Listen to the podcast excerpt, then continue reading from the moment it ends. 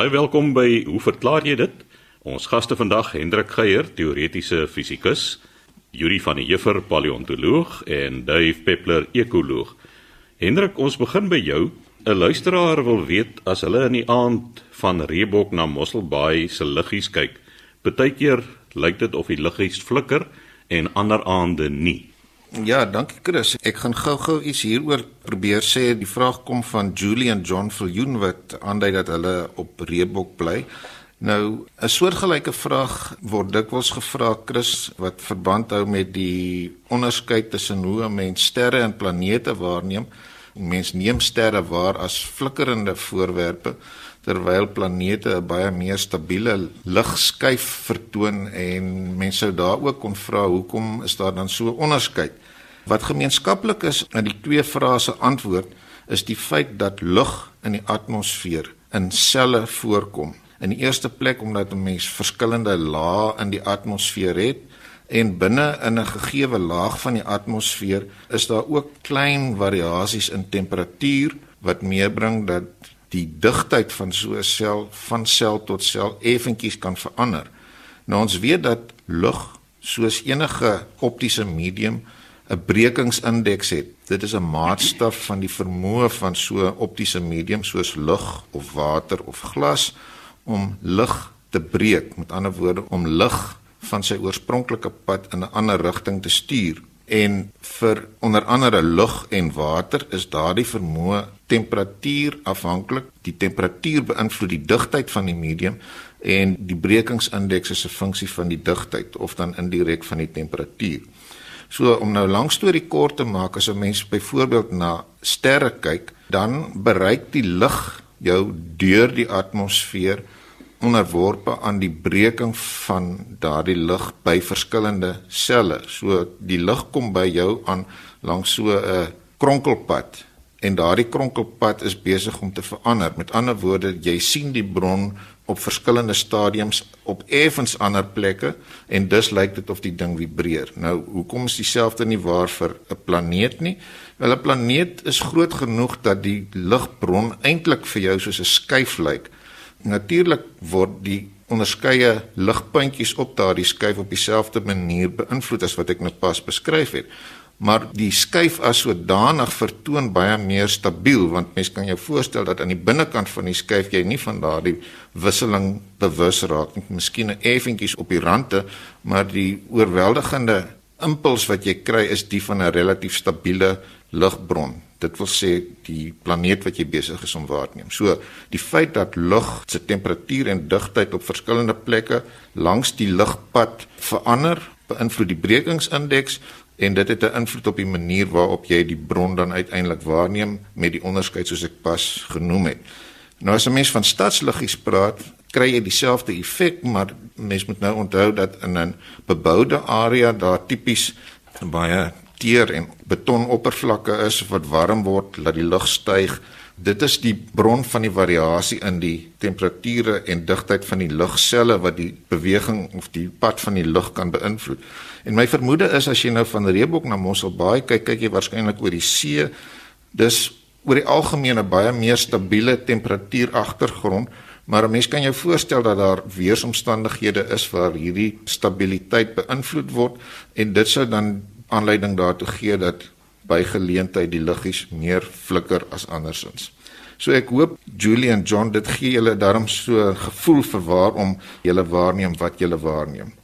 Goed Chris, as ons dan kan aanstap na die vraag wat ons van Willie Willemse gekry het oor die atoomoorlosie, wie dit uitgevind en hoe werk dit? Die eerste antwoord kan ek jou kortliks gee, Willie. Dit is naamlik dat die persone wat die eerste sogenaamde cesium horlosie gebou het, cesium is die standaard atoom wat ter sprake is wanneer 'n mens van atoomoorlosies praat en ek kom nou terug by waarom dit so is, maar nietemin, die persone was ene Louis Essen en Jack Perry wat in 1955 by die Britse Nasionale Fisiese Laboratorium vir die eerste keer daaraan geslaag het om so 'n cesium oorlosie te laat werk. Nou, hoe en hoekom werk so dan? Miskien moet ons net een stapie terug staan en onthou dat enige oorlosie, enige iets wat tyd hou, doen dit op die basis van 'n osillasie. So dit sien 'n mens baie duidelik by 'n staanoorlosie waar die slinger of die pendulum heen en weer swaai en dis die bron van tydmeting. Met die tyd het dit duidelik geword dat die sonnestelsel reëlmatighede bevat soos die rotasie van die aarde om sy eie as, die rotasie van die aarde om die son een keer 'n jaar wat periodies voorspelbaar is tot op die punt dat 'n mens dit kan gebruik as die verwysingspunt vir 'n tydeenheid. Dit is hoe die sekonde in die eerste plek sy bestaan of definisie gekry het as 'n sekere breukdeel van 'n dag wat op sy beurt weer in 24 uur ingedeel is en 'n jaar het met 'n tyd gestabiliseer op 365 min of meer in 'n kwart dag. So dit het alles te maak gehad met die beweging van ons planeet om sy eie as en van die aarde om die son soos wat al die ander planete natuurlik ook doen. Nou In die geval van cesium lees 'n mens dikwels dat 'n sekonde nou gedefinieer word as 'n geweldige groot aantal oscillasies in hierdie cesium atoom. Daar word verwys na min of meer 9000 miljoen oscillasies per sekonde. Nou waar kom die storie vandaan? Alle lig en meer spesifiek alle komponente van die elektromagnetiese spektrum het met hulle geassosieer 'n spesifieke frekwensie en golflengte. En dit is na daardie frekwensie waarna mens verwys as jy begin praat oor iets soos 'n atoomoorlosie in die algemeen en 'n cesium atoomoorlosie in die besonder. So wat cesium spesiaal maak is dat dis element nommer 55 En soos wat 'n mens nou op skool leer van hoe jy atome kan voorstel, is daar elektrone wat om die kern beweeg en in die geval van cesium is daar een enkele elektron wat op 'n manier heeltemal afgeskerm is van die res van die elektrone se beweging wat 2-2 in 'n baie stabiele situasie is. So vir alle praktiese doeleindes kan 'n mens praat van die invloed van die kern op daardie buitenste elektron in die sogenaamde 6s orbitaal. Nou lig sien 'n mens as die resultaat van oorgange wanneer elektrone in 'n opgewekte toestand in 'n atoom is en terugval na die grondtoestand toe, dan word daar lig met 'n baie spesifieke frekwensie of golflengte uitgestraal wat op sy beurt bepaal word deur die energieverskil van die opgewekte toestand en die grondtoestand. Nou dit is so dat die magneetveld van 'n atoomkern 'n invloed kan hê op alle elektrone maar spesifiek ook op die buitenste elektron en dit bring mee dat daar sogenaamde hiperfyn energietoestande is waar hierdie atoom homself tipies in kan bevind. So as die atoom in sy grondtoestand is en jy 'n klein bietjie energie en hierdie energie is breukdele van die tipiese energie wat met liguitstraling gepaard gaan daardie energieverskille straal tipies in die mikrogolf domein van elektromagnetiese straling. So die frekwensie van hierdie straling is baie laer as wat 'n mens tipies by lig waarneem. So wat mense wat so 'n atoomoorlosie bou doen is om 'n stroom van cesium atome deur 'n filter te stuur wat dit regkry om net die in die laagste toestand deur te laat in die grondtoestand. Daarna word hulle ingevoer in 'n sogenaamde mikrogolfholte. Nou ingenieurs het mettertyd al hoe meer akkurate stroombane kon bou om by 'n baie spesifieke frekwensie te kan osilleer. Natuurlik as jy van frekwensie praat, praat jy van oscillasies per sekonde. Dit beteken jy moet al klaar weet wat is 'n sekonde. Maar wat nou gebeur in hierdie mikrogolfholte is dat die atome word onderwerp aan frekwensies wat gekies is om baie naby aan die berekenbare energieverskil te wees van hierdie twee toestande in die 6s elektron en 'n tweede filter kies dan net die wat werklik opgewek is. En uiteindelik is daar 'n detektor wat nou net tel hoeveel van die atome uiteindelik deurkom en deur die frekwensie effens te wissel kan jy agterkom dat jy uiteindelik 'n maksimum aantal atome deurlaat en daardie frekwensie word dan as die verwysingsfrekwensie gebruik. So die definisie van tyd word nou eintlik omgekeer. Aanvanklik is frekwensie 'n aantal oscillasies per sekonde. Jy kan bereken wat min of meer daardie frekwensie, nie min of meer nie, jy kan dit eintlik baie akkuraat bereken vir cesium atome. En nou stel jy jou resonator totdat jy presies by daardie frekwensie uitgekom het en dan definieer jy nou die sekonde as 'n spesifieke aantal van hierdie oscillasies. So in kort Chris is dit hoe 'n atoomoorlosie funksioneer wat miskien nuttig is om te sê is die oorspronklike en selfs baie van die bestaande atoomoorlosies nie goed wat jy op jou arm sou kon dra nie. Dis groot instrumente in 'n laboratorium. Maar in die afgelope klompie jare het die vermoë om baie akkurate frekwensiemetings te maak dermate verbeter dat 'n mens nou eintlik al kan praat van atoomoorlosies wat op 'n mikroskyfie ingebou kan word. So sê Hendrik Geier, ons teoretiese fisikus, Juri van der Heever paleontoloog. Juri, wat is 'n fobie? Chris Darrell Klasen, sy tweede vraag, te weet hoekom het ons fobies? Is dit iets wat ons self psigies konstrueer of speel genetika 'n rol? Nou, Darrell, ek het my nou aan antwoorde gewaag, maar ek wil herhaal dat nie ek of enige van my kollegas eintlik gekwalifiseerde sielkundiges is nie. So die antwoord wat jy gaan kry is 'n baie algemene verduideliking oor wat 'n fobie is. Nou in kort is 'n fobie eintlik 'n angsversteuring. En uh, dit is iemand met 'n voortdurende vrees vir 'n spesifieke voorwerp of 'n situasie. Die woord fobie kom van die Grieks kerel met die naam van Phobos en sy tweelingbroer was Demos.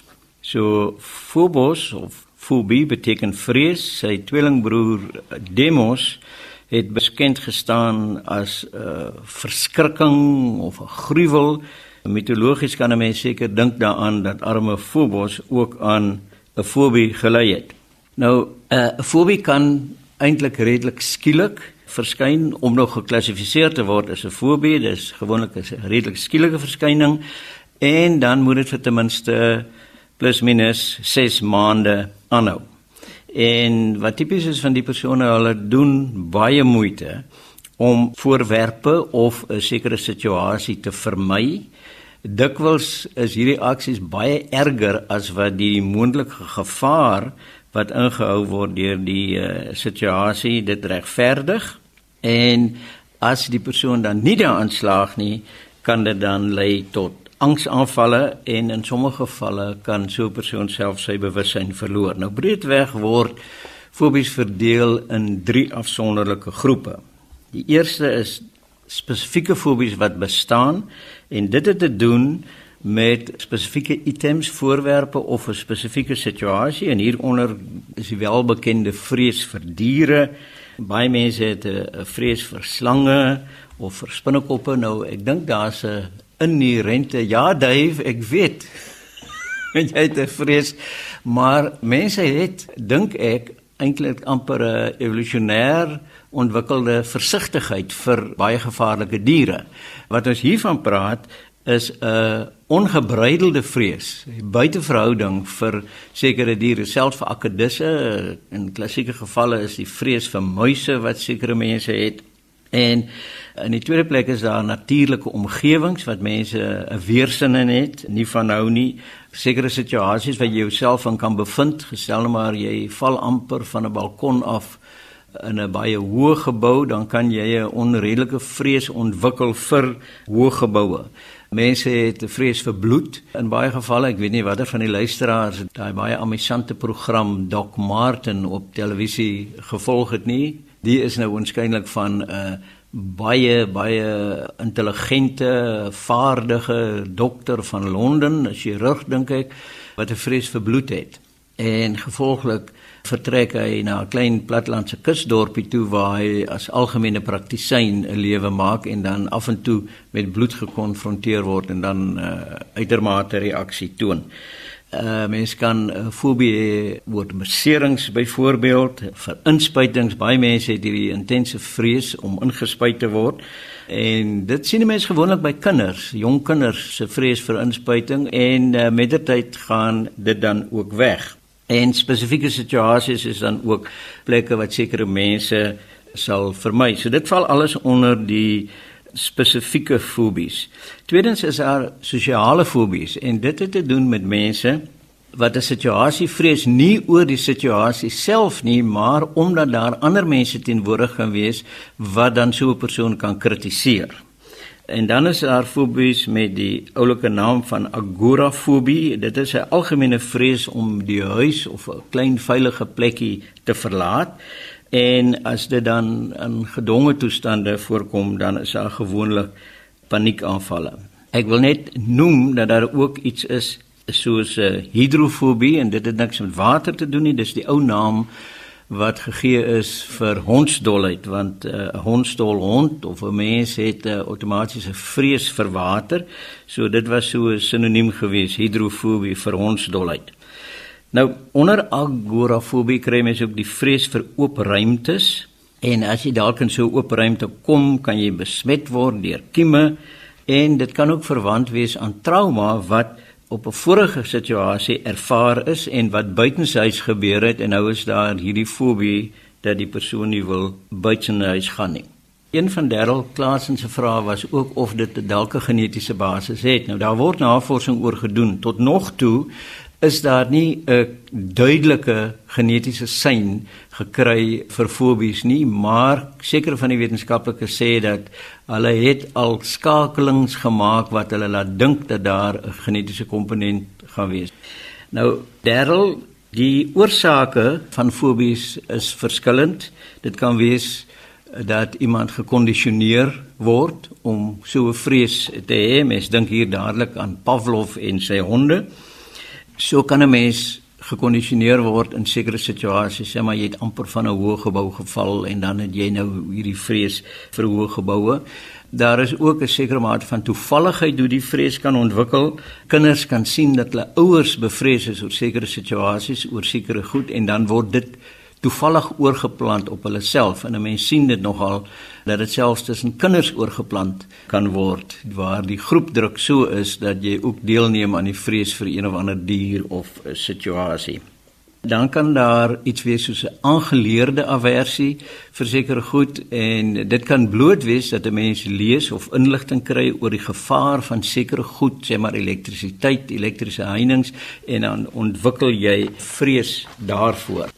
En wat is die behandelings wat mense in die geval kan gebruik? Nou een van die goed wat wel gebruik word vir fobies is uh, desensitering. Dink nou maar uh, hoe moeilik moet dit wees vir 'n uh, brandweerman wat 'n fobie het oor vuur. Deur desensitering te gebruik, dan word die persoon baie geleidelik oor 'n geruime tyd blootgestel juis aan sy fobie sodat hy op so 'n manier, hy of sy op so 'n manier die fobie kan uh, bestry of uiteindelik dan sien dat dit nie die moeite werd is nie. Medikasie word gebruik in sommige gevalle, maar dit is eintlik nie iets wat jy vir fobies vir 'n uh, spesifieke dier of 'n situasie kan gebruik nie. Dan iets wat wel kan werk is hipnoterapie waar 'n persoon gehipnotiseer word om miskien dan 'n onderdrukte trauma uit die verlede uit na vore te bring en dit dan te belig en te kan sien dat dit inderwaarheid nie die moeite werd is om daaroor bang te wees nie. En uiteindelik is daar iets wat hulle noem kognitiewe gedragsterapie en dit word gewoonlik in groepsessies gedoen waar sekere vrese en angste en fobies van 'n pasiënt dan bespreek word in 'n groep sodat die persoon op 'n kognitiewe manier eintlik kan redeneer oor hoekom hy hierdie vrese of angste het en op dië manier daarbey verby te kom. So Darryl, baie dankie vir 'n interessante vraag. Ek hoop ek het nie oortree in die domein van die sielkundiges nie. Volgende aan die beurt, Dave Peppler, ons ekoloog. Dave, klimaatsverandering, bestaan dit werklik of is dit 'n verdigsel?